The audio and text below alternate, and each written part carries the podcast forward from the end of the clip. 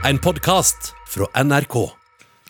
Sommer, sommer, sommer na, na, na, na, na, Du, Klaus, skal ikke vi begynne å komme i gang? Jo, jo, selvfølgelig. Start.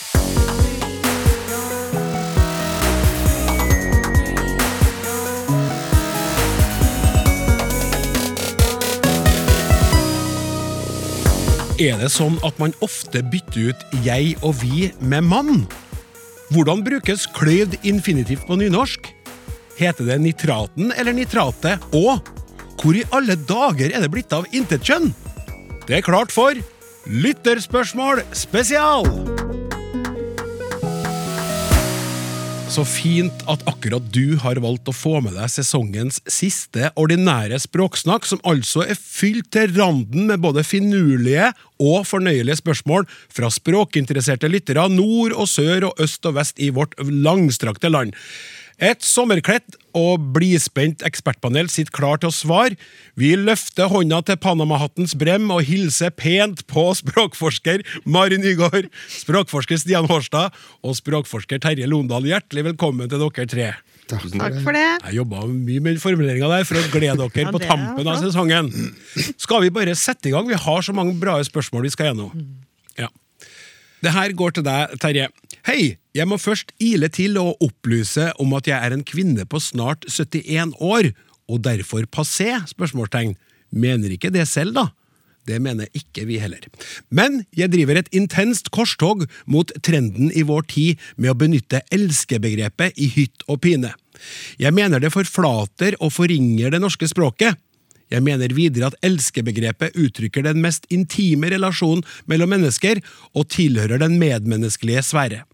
Jeg har over tid samlet et utall av eksempler fra spekteret av offentlige og private muntlige og skriftlige uttalelser og kilder for å kunne dokumentere min påstand om at det norske språket forringes ved uønsket skråstrek ureflektert bruk av elskebegrepet, og så kommer det på løpende bånd her.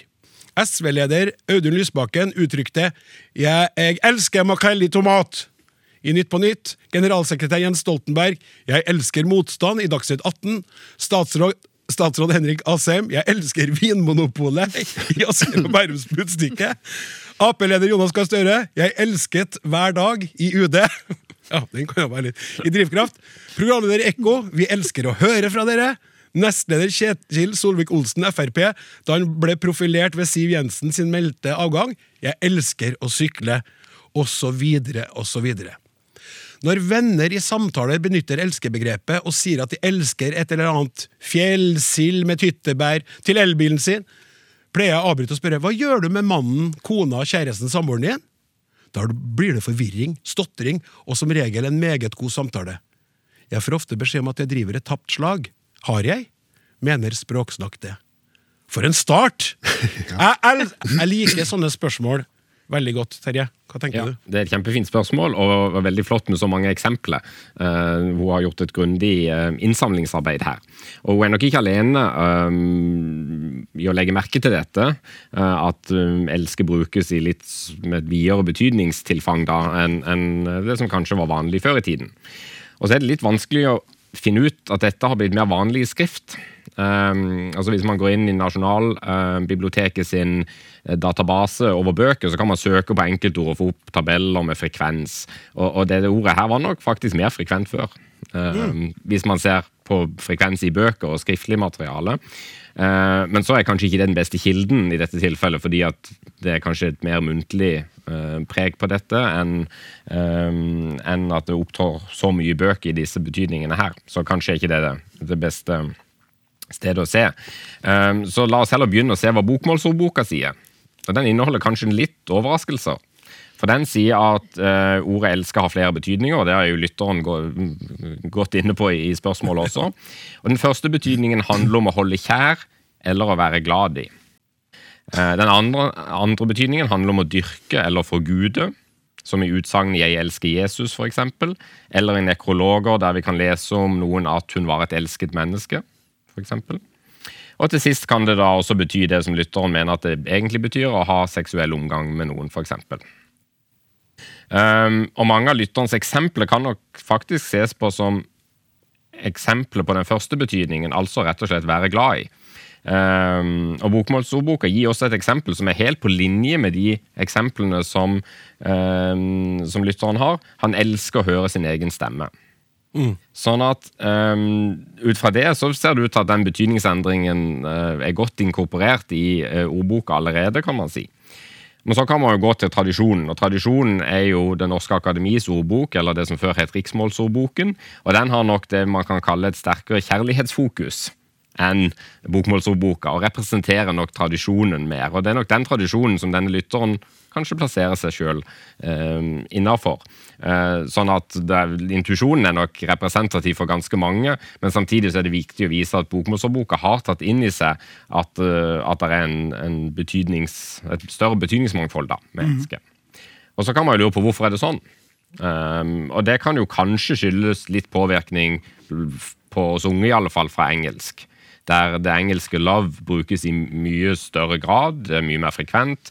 Eh, og det har alltid vært mer liberalt å bruke det om alt mulig. Du kan elske det meste på engelsk. Eh, uten at det egentlig betyr så veldig mye. Det betyr bare at du liker det, mm. uten at man legger så mye mer i, i det.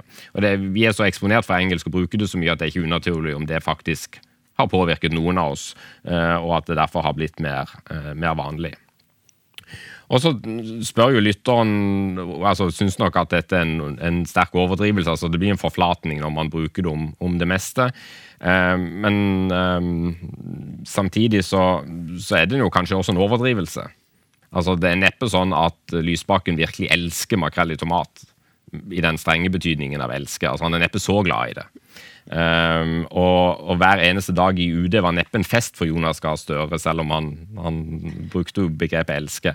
Sånn at Det kan nok ha en sånn slags overdrivende effekt, som også kan virke mot sin hensikt. da. Man blir liksom ikke tatt seriøst, man elsker alt, uh, alt mulig. Men Det er interessant med nyansen, fordi at i et forhold jeg tenker at innsender her også snakker om det følelsesmessige med 'elske'. da. Altså at det skal du reservere til den spesielle. Ja. Og det er jo sånn skille, for 'I love you' er jo glad i og vi har jo det ekstra ordet 'elske'. Sant? Og det er jo sånn klassiker i et forhold eh, snakker, Jeg har hørt det av andre. at du sier 'jeg elsker deg', ikke sant? og så sier du 'jeg er glad i deg'. Så nyanserer du. Justerer etter stemning, for du har de to ordene å skille mellom. Ja. Eh, og det er kanskje det som lytteren her snakker om, at jo mer det kastes ut om alt mulig, så blir det utvanna. Sånn at når du skal si det til noen, så Ja, men det sa du om makrell i tomat i går òg! Det, det som Terje er inne på med denne tradisjonen med elske, som kanskje har en sånn litterær bruk, har nok òg gjort at jeg vet ærlig talt ikke om jeg kan bruke 'elske' i talemålet mitt.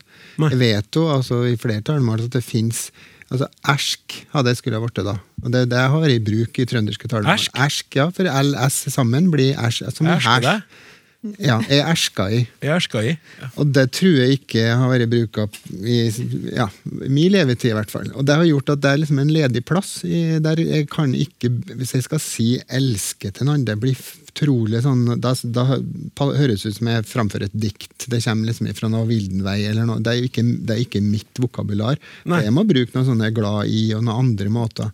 Ja. Så jeg tror kanskje at det ordet i sånn litterær kontekst har gjort det litt eh, eh, vanskeligere å, å, ta i si. for, Ja, for enkelte. For jeg har sagt det med en kribling gjennom hele kroppen. Altså. Ja, det... Jeg elsker deg, og så virkelig kjent at jeg mente det, og at eh, hjertet banka, og at det funka veldig bra. Så det er ganske individuelt, men jeg tror, ja, at, tror du har et poeng at litteraturen har gjort sitt. da. og kanskje og, engelsken i tillegg. Og så har det jo det her, Den konteksten det blir brukt i med den inderligheten, er jo heller ikke noe altså det, Kanskje er det hverdagslig for en del, men det er jo noe spesiell en relasjon som det er som skikkelig kribling.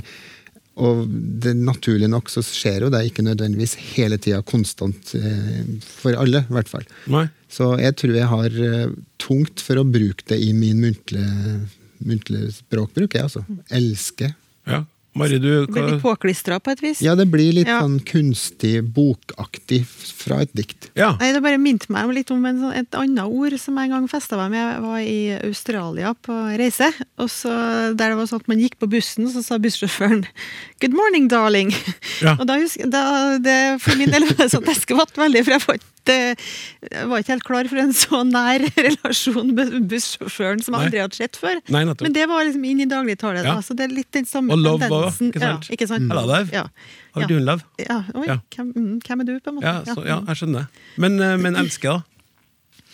Nei, jeg har det nok litt sånn Stian, at det føles litt sånn påtatt, eller litt sånn eh, eh, Papirknitrende for meg, sjøl om Ja, det, litt altså. Jeg skal ikke si at det er tørt, for, men det er noe litterært, ja, kanskje. Så det, det har ingenting å gjøre med at, eh, at eh, det brukes overalt eh, knytta til makrell i tomat eller å jobbe i UD. Det er mer at det kommer fra litteraturen for dere. Som det er litt tørre, litt litterære, litt rare å si. Ikke for at det er utvaska. Jo, det er nok litt utvaska òg. Jeg Ja. ser nok på det. I de eksemplene som den lytteren her viser, at det, det blir kanskje litt uttømt, da. Fordi mm. at det går an å bruke det i så mye, og, og samtidig så er det Jeg blir ikke inspirert til å bruke det sjøl. Så det er liksom to grunner til å ikke bruke det. Både at det, her, at det er litt sånn poetisk eh, klang, og at det nå ser ut som at det blir litt overforbrukt. da. Vi kan jo være enige om at dette her eh, spørsmålet førte en fin diskusjon, så, diskusjon, så vi er veldig glad i sånne spørsmål Ja. fra lytterne.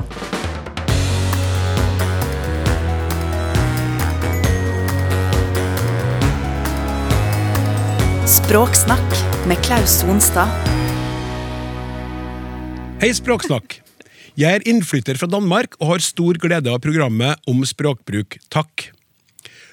Så har jeg selv et spørsmål som jeg gjerne vil ha belyst.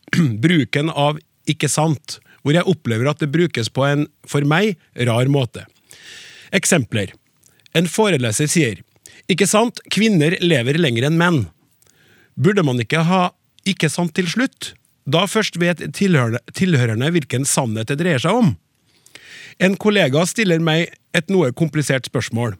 Etter at jeg har gitt grundig, en grundig redegjørelse, så svarer min kollega ja, ikke sant?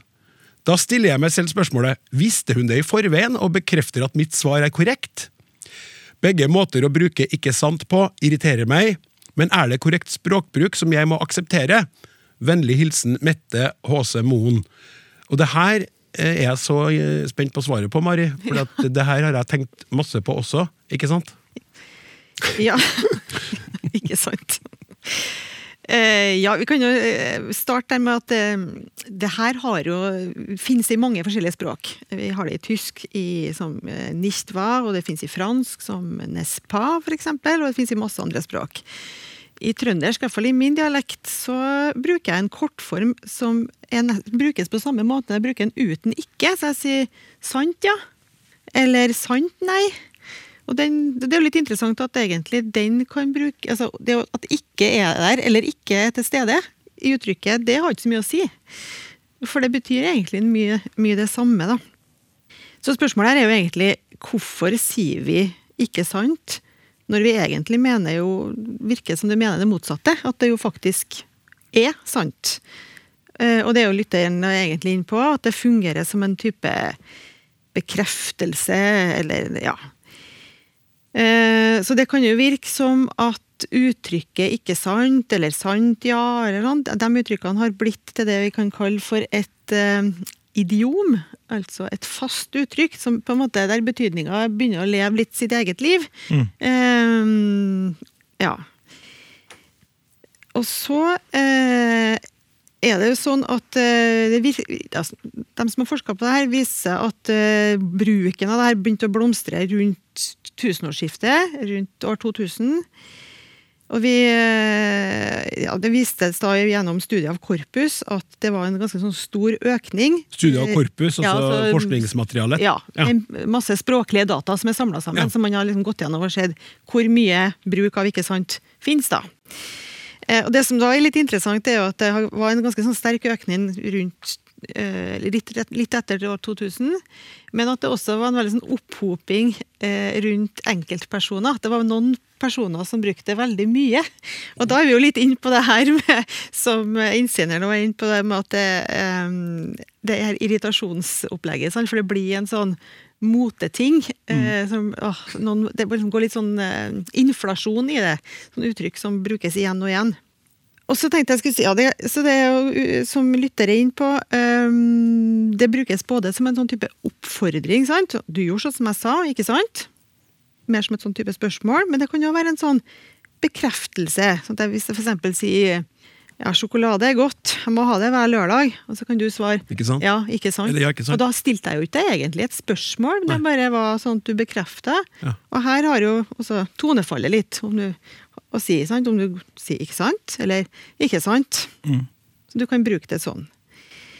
Um, og så er det kanskje sånn at det brukes litt for å skape enighet òg. Jeg tenkte litt på at det, hvis jeg, i det jeg føyer på ikke sant, på slutten av en Jeg prøver liksom å legge fram en sak for deg, da, og så sier jeg ikke sant til slutt.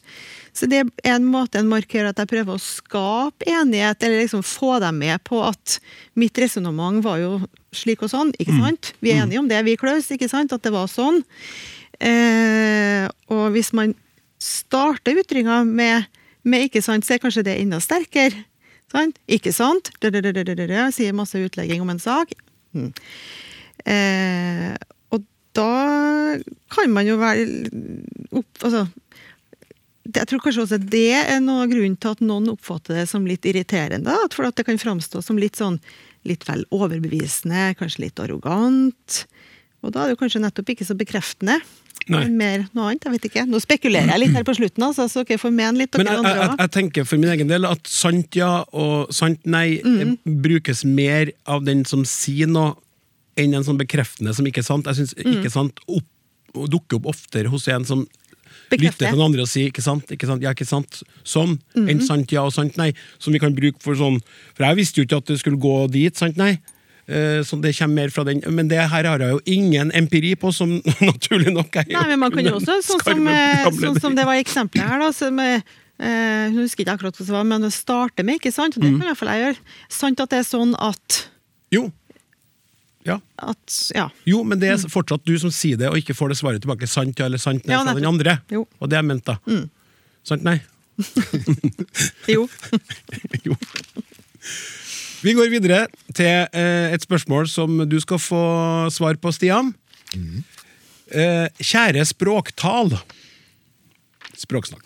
Jeg har et spørsmål om et fantastisk fint begrep som ikke akkurat inngår i daglig tale lenger, om det noen gang har gjort akkurat det. Men det er et ord som jeg øyner store dybder i, nemlig begrepet to. Ikke tallet to, men å ha to. Jeg kan telle på et par fingre hvor mange ganger jeg har hørt dette selv, og jeg mener å huske to setninger fra mange tiår siden. Nå kjenner jeg toet kjem sigan, og en variant med en viss ironi. Jeg sitter nå her og venter på at toet skal sige inn i sjela mi. Jeg liker å tenke at det betyr et eller annet som ligner på ligner sisu på finsk, og ordet entusiasme, som vi har fra gresk, som ordrett betyr å ha guder i seg. Eksplosivt glade entusiaster er ikke så vanlig på Nordmøre, så det er nok mer naturlig at toet, toet er noe som siger, nærmere kvae en eksplosjon, så sisu stemmer nok bedre. En langsom, men standhaftig stamina tæl, til og med pågangslyst. Er det bare et sært nordmørsk uttrykk, eller er det videre kjent? Er det eldgammelt som Ymir? Brukte vikingene begrepet? Eller er det samisk? Nedertysk sjømannsspråk? Latin? Vennlig hilsen Leif Ingetzi, Utflytta nordmøring. For et spørsmål, og så fantastisk fint skrevet! Ja. Eh, ja, nei, det, det er ikke sært nordmørsk. Det fins i mange talemål, og det fins både i bokmålsordboka og nynorskordboka. Ja. Men eh, om det er voldsomt mye brukt, det vet jeg ikke. Men det er nok kanskje mest kjent i eh, å ha gått to, som er et sånn fast uttrykk. Jeg lurer litt på om han med det her som kommer sigende, om han blander inn noe som har med noe litt annet. At det er havto, det er noe helt annet. Det er kald, kjølig luft som kommer inn. Det kan hende Han blander to uttrykk her, men det er noe annet. Men to i denne sammenheng er helnorsk. Det, det var brukt i norrønt òg. Eh, Da var det nok brukt mer konkret, rett og slett om materiale, stoff, som om det er ull eller lin. altså Det er den konkrete eh, ja, substansen. Hamp, lin. At det her var bra to, dårlig to. Altså kvaliteten i et materiale. Så hadde jeg fått eh, mer i overført betydning, da, som han viser i, i moderne norsk. at jeg, Han bruker jo sisu, som er eh, finsk, men det er noe sånt at det er en, en kvalitet som er blitt gjort mer til en menneskelig egenskap. At du, har, et- du er av et stoff, og da forstått som Det har ikke med kjøtt og blod, men at du har en kraft, en, en er av en natur, på en sånn måte. Og det er nok det som ligger i å ha gått to. Det handler ikke om celleveggens styrke, men det, da har du en eller annen egenskap eh, som menneske. Det er en du gjerne kanskje ville ha gått i slag med? Eh, Eller, eller Ja. blitt beskytta av? Ja, sånn? det er noe sånt. Du, har, du er av he, ja, hel ved, bruker man i dag, som heller ikke har så mye med trevirke å gjøre, da. Det, tross alt. Men det er noe at du har en karakteregenskap da, som, som er solid, som er, som er bra. Men det viser altså opprinnelig noe så håndfast som, som ull, hamp, lin, helt sånn materielt. Og det er nok eh, fellesgermansk eh, stoff, så hvis en graver litt i sånn ordhistorie, så kommer en til noe ja, som en òg fins i norsk eh, tål, et redskap. Tool på engelsk har nok samme opphav, så det er liksom materiale, stoff, utstyr. Så den som har gått to, har da en god egenskap, noe som blir satt pris på, har en eh, kvalitet. Eh, Men Har denne utflytta nordmøringen rett i at det brukes lite i dag? Jeg har ikke målt det, og det er nok Nei. vanskelig å måle. Men det, i og med at det står i begge, altså både, altså stand- standardordboka, både bokmål og nynorsk, viser at det er i hvert fall eh, utbredt i tekster, nok til at det fortjener å stå der. Så, så ikke kjempehyppig, nei, men det er i hvert fall ikke helt spesifikt for Nordmøre. Nei. Takk. Du hører på Språksnakk, eh, sitter her og har lytterspørsmål eh, spesial sammen med språkforsker Terje Londal, språkforsker Stian Hårstad og språkforsker Mari Nygaard. Og nå er det en Terje som skal få svar på et kort og konsist spørsmål angående retteprogrammer. Det er et ønske. Si noe om retteprogrammer. Dette ordet får jeg rød strek på, på altså, altså retteprogrammer, som deler ord som ikke skal deles. Finnes det retteprogrammer som ikke gjør det? Med vennlig hilsen Tore K. Alberg. Det, det, ja, eh, Enig med Tore. Lurer på deg òg. Ja, svaret er nei. Det, er altså, det, alle retteprogrammer gjør det. Det men Så irriterende! Ja, ikke sant? Og det interessante spørsmålet er jo hvorfor er det sånn, egentlig, mer enn at, at det er sånn, kanskje. Og da må vi se litt på hvordan sånne retteprogram er laget. Og dette blir, for de som, som er dataingeniører, så vil dette kanskje fremstå litt forenkla, men jeg tror det er greit å, å ta den enkle versjonen her. Um, og en viktig del av sånne retteprogrammer som vi har på PC-en, er at eh, vi trenger en ordbok. Altså, retteprogrammet må sjekke ordene, at de er riktig skrevet, opp mot en ordbok. Så de må rett og slett ha en digital versjon av bokmålsordboka eller nynorskordboka dytta inn der. Men så er det jo sånn at akkurat som i ordboka, så er det jo ikke alle former som er lista opp. Man har gjerne bare hovedformer på verb, og så angir man endelsene. Um, og de kan man, endelsene kan man jo tenke at det må på en måte være noen regler som sier at det ordet har alle disse formene, så du får opp hele bøyingsparadigmet, f.eks. hele skjemaet. Så det er på en måte ganske. Det får dataprogrammene ganske godt til ved at verbet er bøyd riktig. Altså det kan ikke, Dataprogrammet greier ofte ikke å se om det er riktig ut fra sammenhengen, men det greier å se at du har skrevet fortid av et verb. Altså Jeg sleit i forrige program med å fortiden av å finne, eller finnes, eh, og det vil datamaskinen ha full kontroll på, i motsetning til, til meg. Um, sånn at eh, det er ganske greit. Men så kommer vi da til sammensetningene som denne lytteren er veldig eh, interessert i. Og der er jo norsk spesielt fordi at vi eh, tillater så mange sammensetninger. Det er utrolig produktivt, sier språkforskere. Altså det betyr at vi skaper nye sammensetninger hele tiden.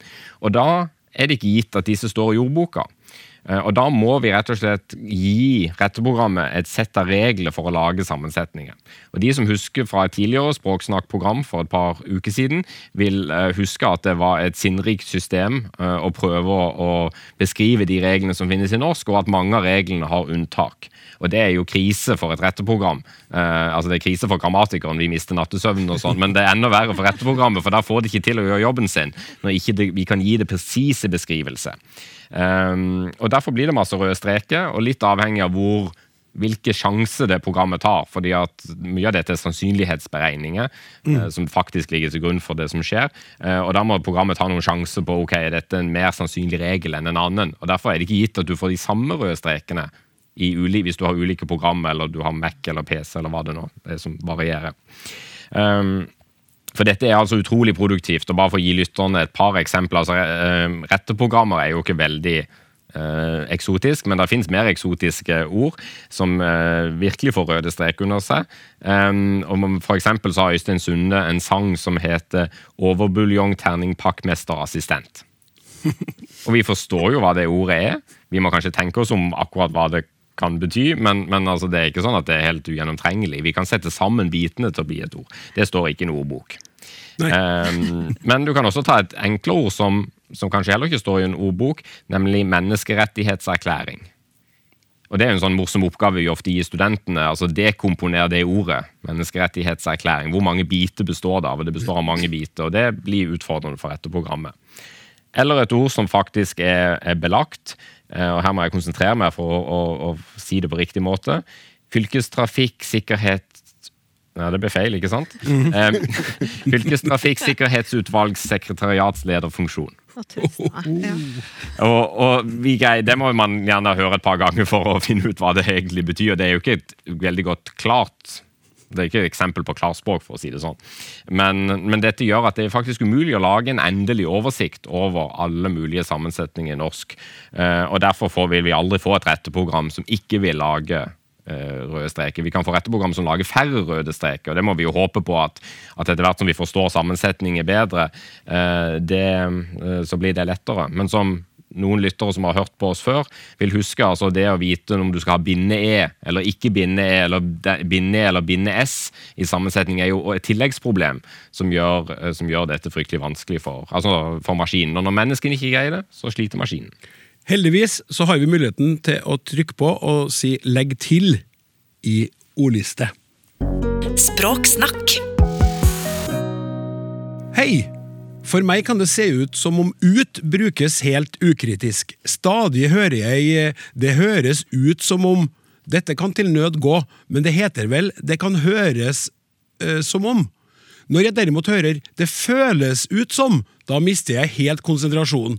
Umulig å følge med på hva som blir sagt. Føles ut! Hva er det? Det er helt logisk at noe ser ut som.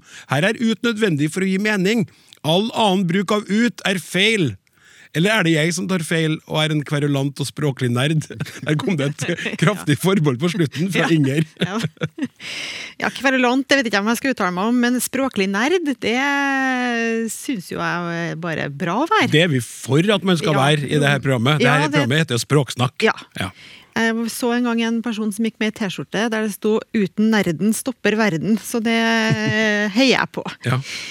Nei, skal ut ut, er vel egentlig spørsmålet her, da.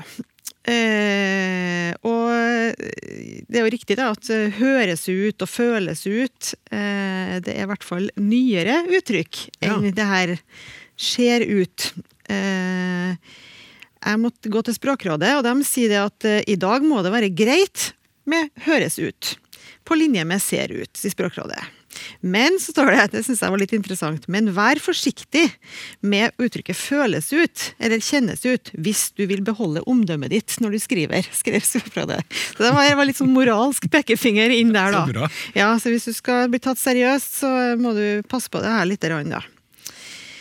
Eh, så høres ut er jo Det er ikke så nytt lenger. Og jeg tror vel at det er, om ikke like vanlig, så kanskje mer vanlig å bruke det høres ut med uten. Eller altså med ut enn uten ut. Det var veldig vanskelig å si, merker jeg. Det ble mye ut på en gang. Eh, og så Det som er litt interessant, da, nå holde tunga beint i muren hvis du, hvis du bruker uttrykket når det hører Altså, det høres lett ut. Hvis det brukes mer og mer, så vil jo det tilsvarende 'det høres lett', altså uten den uten, det høres lett, da vil jo det kanskje oftere få betydninga at det er lett å høre, for den er jo tvetydig. Det høres lett. Jeg hører det lett, eller det høres lett ut. Men kan man si det høres lett? Som Ja, man kan Ja, si man det. kan jo det. For det har jeg aldri tenkt at man kunne Nei, men si. Det er egentlig akkurat det innsenderen mener, at du ikke skal bruke det med ut. Ja. Du skal bruke det uten ut. Ja, nettopp. Eh, sånn at eh, mm. eh, Og så er det jo Ja, i disse tider, da, så kan man jo snakke om språklig smitte. Det smitte er jo i, i tiden akkurat Ja. nå. Det Det er vanskelig å bruke munnbind mot språklig smitte. Ja, det er det, vet du. Det sprer seg uten uh, gjennom Du må ha antibac. propper i ørene. Så det har nok spredd seg sikkert fra en sånn se, ser ut, det høres ut, og nå da videre til eh, føles ut, kjennes ut. Eh, var også registrert eksempler på smaker ut. Eh, virker ut, oppleves ut. Nei. Men nei og nei. Nei. Det er mer for sånne yngre folk enn de som sitter her i studio nå, da. Okay. Eh, kanskje. Ja, Ja, jeg, jeg- høres det ut som eh, For meg som, høres ut som du er ferdig nå? eh, ja Jeg kan jo tilføye at det som er litt interessant, er at det har blitt en sånn stivna form, det her med ut, da. For man kunne tenke seg at eh, Altså, Se ut, det gir jo mening. sant? Du ser utover, eh, ut, ut fra synet ditt, utover i horisonten. Mens eh, det, og da sprer det seg på en måte til Når det høres ut, så kunne man jo tenke seg at det var kanskje mer naturlig å si inn, fordi at du lytter jo. Det går jo på en måte en annen retning enn enn utover. Sånn at det støtter jo på en måte her ut-uttrykket og har blitt litt sånn fast og mista, mista den på en måte første semantiske eller betydninga si. Blitt mer et sånt generelt nøytralt uttrykk som man kan putte på ulike verb, da. Ja. Eh, men eh, Inger fikk støtte fra Språkrådet Ja, hun gjorde jo i egentlig det. kjernen med Føles ut. Eh, Vi skal over til et av livets store spørsmål, faktisk. I hvert fall hvis man driver i et språkprogram, nemlig hvor har det blitt av intetkjønn? Det er en veldig konsis eh, e-post fra Per Bjørn Forås, for det står rett og slett 'Hvor har det blitt av intetkjønn?' De fleste eksemplene nedenfor er fra NRK, og så bare listes det opp. En av satsingsområdene, politiker som har sagt det. En av grepene som må tas, en professor. En av eksemplene, forskningsleder. En av mange programmer, en advokat som sier. En av funnene, forsker. En slakt av boka, en av de største sykehusene. En av problemene, hver enkelt menneske. Det var en forfatter som sa. Og så er det ferdig med det. Og Terje, hva skal vi gjøre med det her? Ja, jeg tror mange kan kjenne seg igjen i lignende observasjoner. Altså, dette, dette skjer. Altså, det er ingen grunn til å betvile lytterens eh, dokumentasjon, og mange av oss har hørt det sjøl også. Og kan til og med gjort det sjøl også, tror jeg nok. Um, og det skjer stort sett ja, ikke eksklusivt kanskje, men stort sett i muntlig språkbruk. Det er nok mye mindre sjelden, eh, sjelden i, mye mindre vanlig i skrift. Eh, og det skjer kanskje ofte i forbindelse med intervju, når du er litt stressa. Dagsnytt 18 høres dette litt sånn ut som mange av de. Eh, eller at du får et TV-kamera opp i fjeset, eller at du holder et foredrag, eller Ja, men det kan også skje utenfor de settingene at du bare sitter og snakker om noe helt eh, trivielt, og, og likevel så, mm, så gjør du det. Eh, og det er jo en klar ubalanse her i at det alltid går utover intetkjønnet. Um, I en viss forstand. Uh, altså det er, det er hankjønnet som da tar over for intetkjønnet, så det blir én istedenfor ett. Um, det er mer sjeldent å høre intetkjønn om hankjønnsord. Altså det er veldig få som sier ett bil, ett balkong, en bonde. På samme måte som, som de eksemplene som lytteren har kartlagt. Så En det- bonde, sa du? Jeg mente å si ett bonde. Ja. Ja, bra. Um, sånn at det er en, en asymmetri her, da. At det, det går utover intetkjønnet mer enn de andre, øh, kan man si. Um, og Så er jo spørsmålet skyldes dette at intetkjønn er på vei ut. Uh, og Da kan jeg svare ganske beroligende at det er ikke noe som tyder på at det skjer. Um, vi vet at hunnkjønn er utsatt i norske dialekter, men i forskninga som er gjort for å vise at hunnkjønn er på vei ut av flere norske dialekter, så har man også sett på intetkjønn, bare for å forsikre seg litt om at eksperimentet funker og at, det er på plass. Og det er på plass hele tiden. Altså det er ingen Vi får ingen feil i gåseøyne da, med feil annen type bruk på, på intetkjønn. Uh, dette utelukker jo selvfølgelig ikke at det kan være snakk om at det kan skje med enkeltord. Um, men uh, altså at Et enkelt ord kan skifte kjønn fra intetkjønn til hankjønn. Men jeg tror nok vi trenger en annen forklaring på det generelle fenomenet som lytteren har, uh, har observert her.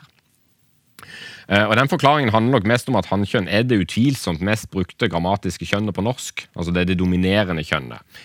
Det er litt ulike tall, litt avhengig av hvilket datamateriale man ser på, men mellom 52 til 65% av alle substantiv er hankjønn.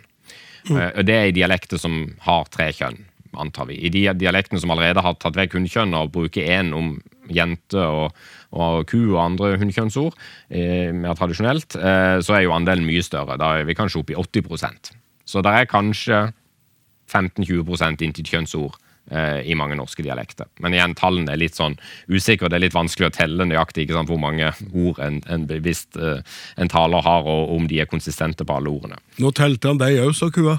Ja, nettopp.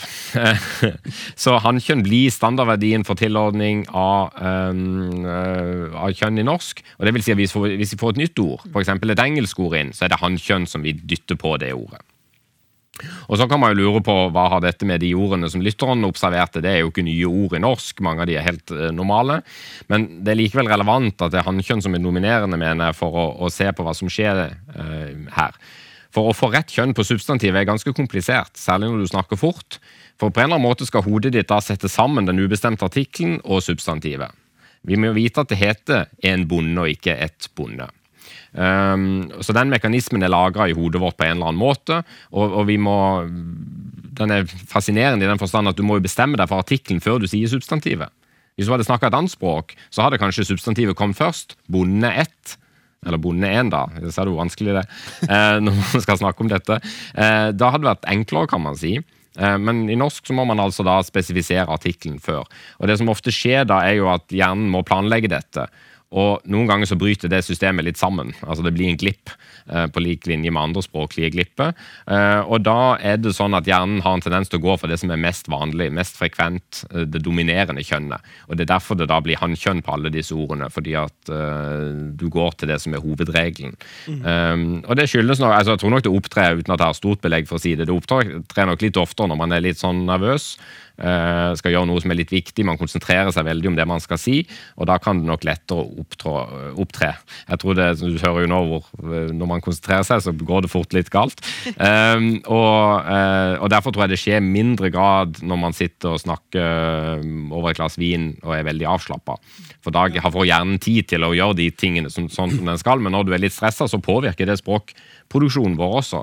Og da skjer dette, skjer dette rett og slett. Ja, og I tillegg så kan jeg si for min egen del bare kjapt at jeg var jo usikker på én slakt av boka. Eh, en slakt, det var jo en slakt. Der hadde jeg nesten tenkt at det var riktig uh, å si. Og det er det nok riktig i din dialekt. Ja. Uh, I bokmålsordboka så er det noe mer som ett slakt. Så da vil ikke jeg reagere så mye på det. Men det er stor variasjon i norske ja. dialekter også. Og det kommer kom jo litt inn i bildet her også. Mange av disse ordene som er i eksemplene, er nok relativt uniforme, tror jeg, ut fra det jeg kunne se. Men, men det finnes generelt stor altså Slakt er et eksempel på det motsatte. da, at Det finnes variasjon mellom norske dialekter. Ja. Um, Mari? Ja, jeg tenker på det eh, som egentlig støtter det du sier, Terje, med, eh, med, å ha tid til å tenke seg om. For at innsenderen var jo opptatt av de her uttrykkene 'en av', og så kommer substantivet etterpå. Og da har du på en måte om det, et fast, om det har liksom stivna som et fast uttrykk. En av, og så skal jeg finne substantivet. Da kommer det litt etterpå. Det kommer en preposisjon imellom. Så veldig lang tid imellom, da, men i hvert fall Ja, sånn at det, det kan være at denne en av har blitt en sånn eh, fast ja, ja. uttrykk som henger litt svakere sammen med eh, kjønnsbestemmelsen av substantivet. Ja. Mm. Ja, men det er rett og slett, altså Hjernen må jobbe for å, å få til dette. her. Det, det, krever faktisk ganske mye kapasitet. Vi merker jo ikke noe av dette, det skjer automatisk. Men det må gjøres på et, et, uten at vi forstår akkurat hvordan det gjøres. Eh, så, så må de kobles sammen. og da, da, man, da, ser man den type ting lettere. Og det skjer nok lettere med ubestemte artikler foran substantiv enn det f.eks. skjer med bestemte suffikser. Ja. Altså Du ser ikke dette så vanlig på at det blir eh, bundet Altså, igjen prøver å legge kjønn på, på hannkjønnsordet bonde. Um, så det ser du nesten aldri. Så det er når det blir litt avstand, og, og det må gjøres en sånn sammenkoblingsmekanisme i hjernen vår. Da, den kan da bryte sammen litt hvis du er litt stressa. Eller i andre settinger. Ja, Hjernen må jobbe, og hjernen er som kjent, uh, som Delillo sier, alene. Vi skal over til noe som du skal få fortsatt svar på, det er kanskje litt i samme gate. Eh, gratulerer med det nye programmet som har massevis av informasjon, delikat servert med kunnskap og humor. Eh, ørlite malurt. Eh, og så tenkte jeg oi, men det går ikke til oss, det går til programmet Abels tårn, som jeg varmt anbefaler. Om du ikke har fått med det, tror jeg de fleste har. Men det er fantastisk bra. Eh, snakker eh, kjemikere I Abelstårn snakker kjemikere stadig om sulfaten, nitraten etc. Men i ordboka står det sulfatet, nitratet.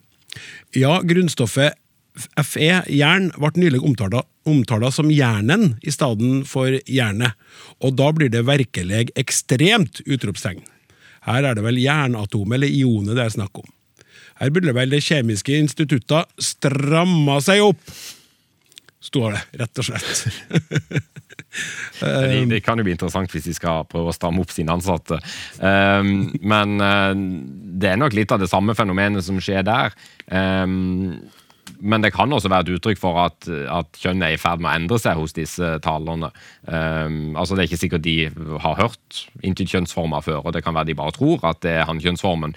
Uh, kjemikere er jo veldig gode til å operere på engelsk, og de fleste har lært fagspråket gjennom uh, engelske fagtekster, etter videregående i alle fall. Sånn at det er faktisk ikke sikkert at de har vært borti det så mange ganger, og da går man jo ikke og sjekker ordboka når man skal snakke om det, man bruker bare det som faller naturlig. Og igjen så er det da hannkjønnet som kommer og og, og gjerne blir det dominerende, og da blir det sulfaten og nitraten. Uh, og det høres jo ikke helt urimelig ut heller. Uh, jeg slo faktisk opp for å sjekke at de ikke var dobbeltoppført, uh, for jeg kunne nok fint ha sagt det er en sulfat. og så tenker jeg meg om, og så tenker jeg ja, nei, det heter et sulfat. Men det viser at noen av disse ordene lettere skifter kjønn i, i muntlig språkbruk enn en andre ord. Ja. Jeg husker sånn bilde nå når du sa det hannkjønnet som kommer. Flytt dere unna vei! Her, her kommer jeg. Passe på å si grammatisk hannkjønn, men det er fort gjort for oss. Ja, ja, men det er veldig inne i å glemme det, men uh, ja. Jeg forstår. Takk skal du ha.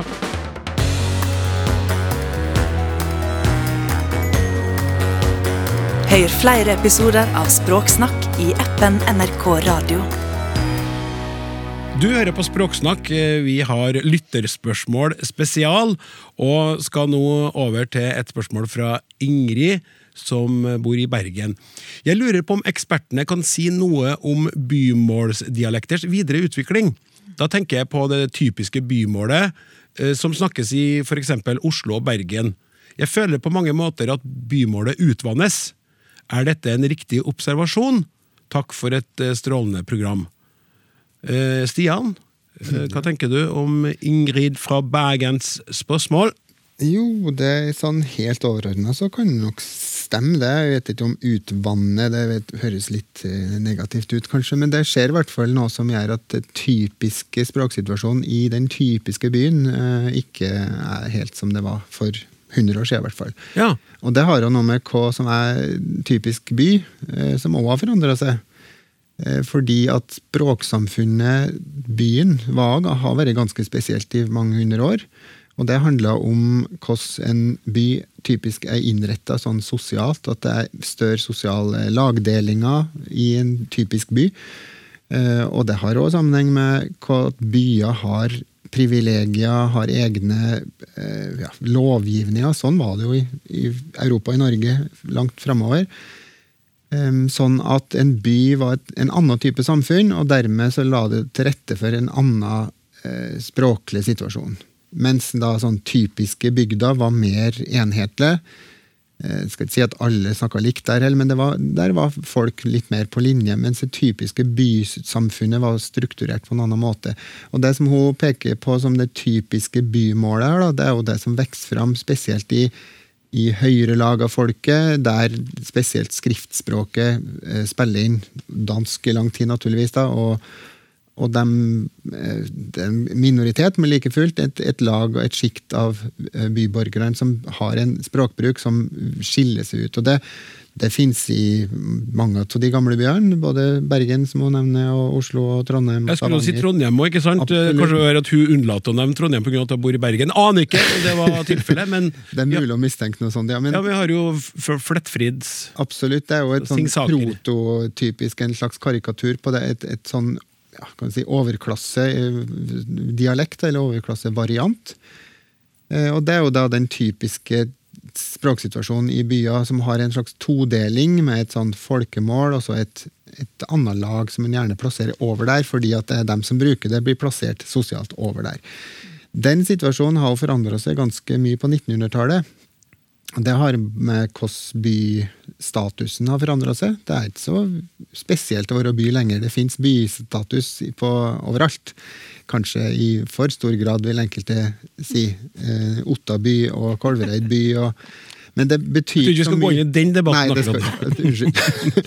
Men det ligger i hvert fall i kortet at det å være by ikke har så eh, nødvendigvis så mye å si for hvordan et eh, samfunn er språklig innretta lenger. da. Og den utvatninga som, som blir nevnt her, altså den utjamninga, det er nok også det, det som skjer både i Oslo og, og Bergen og Trondheim. At det, det er ikke så tydelige sånne skillelinjer lenger. Det er forskjeller. altså Byer er jo så store at det er opplagt forskjeller innenfor byer, men de følger ikke de her helt tydelige linjene. Men det er jo forskjeller fra by til by også, og det her fortjener jo drøfting. Altså Oslo har sin historie, Bergen har sin historie, ikke minst med lang tyskspråklig tilstedeværelse. Trondheim har sin historie. altså det, det her fortjener jo å, å bli drøfta mer enn i den her kortversjonen. Ja. Det foreslår jeg at du fortsetter med. At vi, at vi, vi, kan gjøre det til en, vi kan gjøre det til en språksnakkepisode? Ja. Absolutt. Det må være mulig. Dere har glatt kunne ha blitt med på det? Ja, ja. Ja, med flere? Ja, men Det er jeg enig i. Det er jo veldig spennende. Vi sitter jo nå i det siste ordinære programmet før eh, sommeren. Og Vi skal jo lage program igjen til høsten, og vi trenger jo innslag der. Så det kan hende at Ingrid fra Bergen får eh, rett og slett et helt program om eh, bydialekters utvikling. da. Gjerne det. Ja, gjerne det. Spørsmål fra Ingrid, da. Ja, veldig bra. Eh, Da går vi videre, da. Så får vi se hvordan det går med spørsmålet til en Svein Kolstad Hansen. Hei, språksnakkere! Så fint at dere klarer å lage et interessant språkprogram med humør og glimt i øyet, eller kanskje i øret, uten at det blir fjas og tomsnakk. Jeg vil slå et slag for de personlige pronomen jeg og vi. Uten at jeg har ført noen statistikk, føler jeg meg sikker på at svært mange bytter ut jeg og vi med mann. Vi kan høre en idrettsstjerne si 'man ble sliten' i stedet for 'jeg ble sliten'.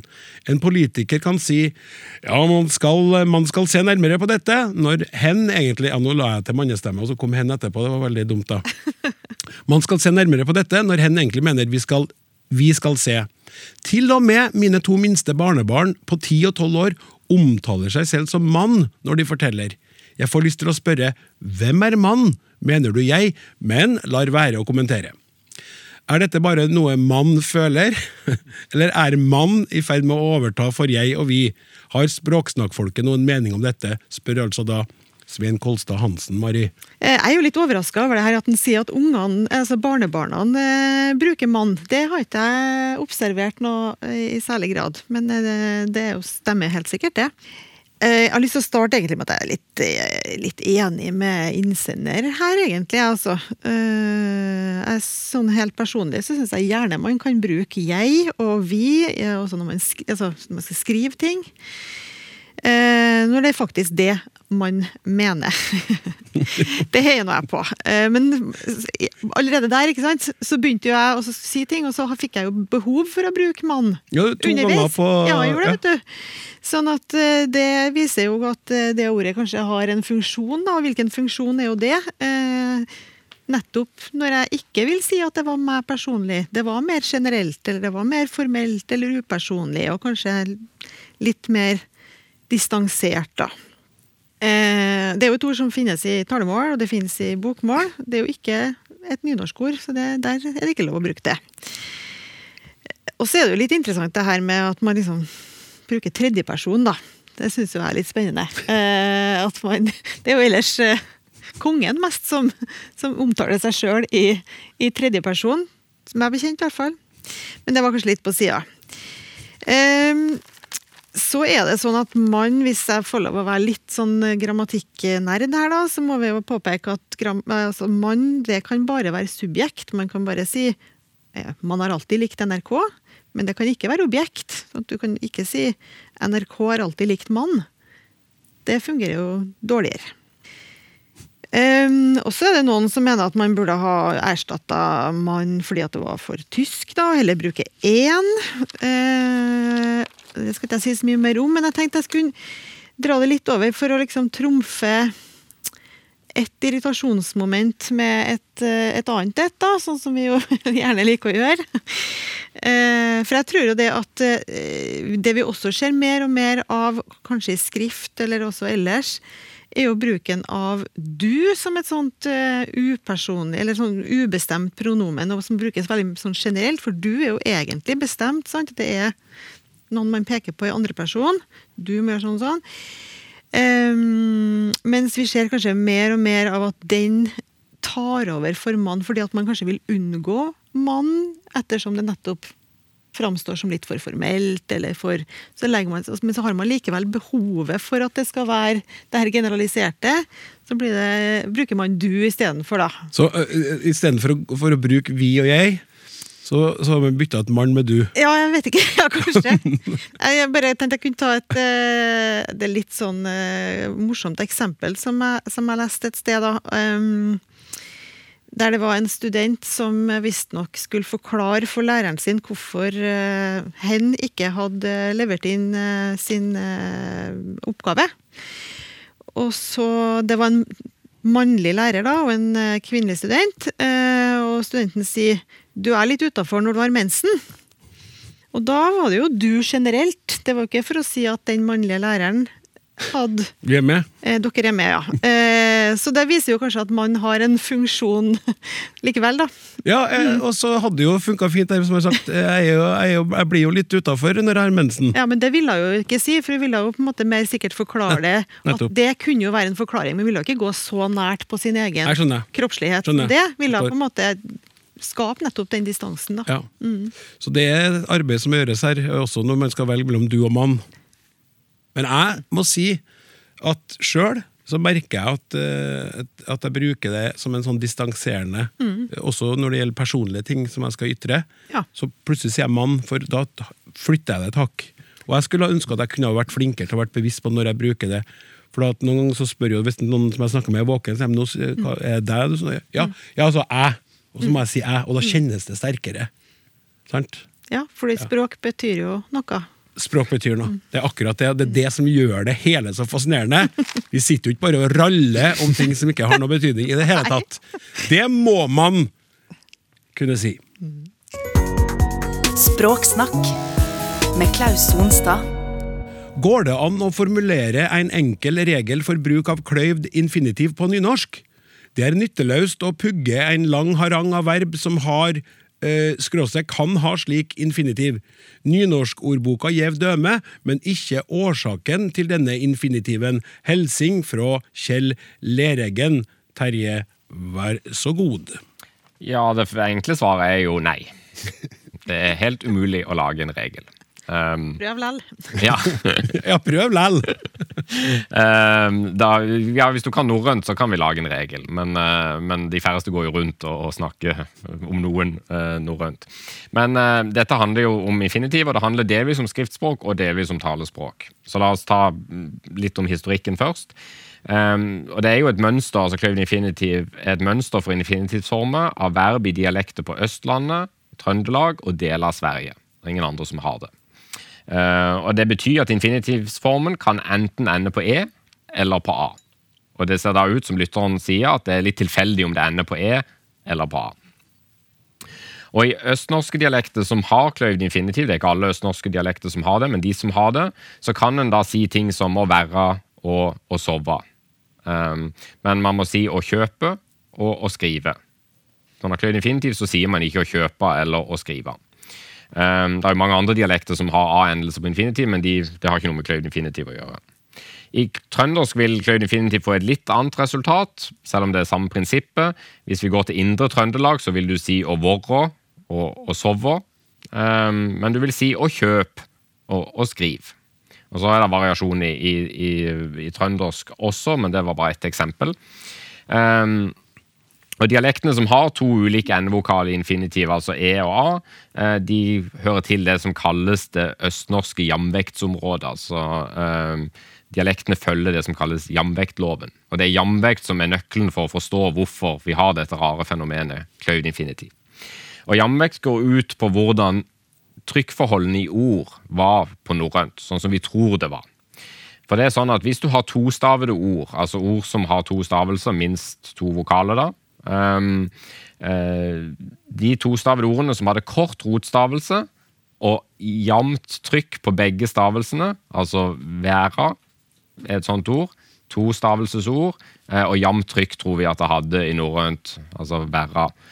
Um, og de har holdt på den opprinnelige kvaliteten på denne endevokalen A i østnorsk uh, og trøndersk, og derfor blir det å være.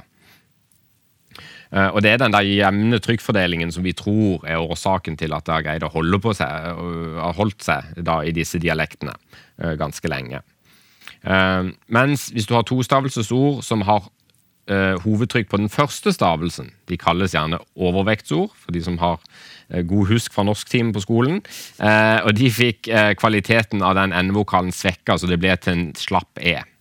Og da blir det å kaste. Eh, for den der, det var overtrykk på første stavelse, kaste, eh, og da ble det redusert til e.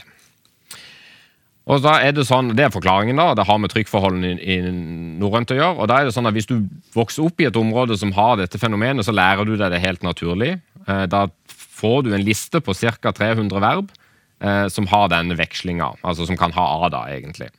Um, og alle andre verb får e. Og Hvis ikke du har vokst opp med å lære deg det som barn, så er det helt håpløst. Da må du rett og slett pugge.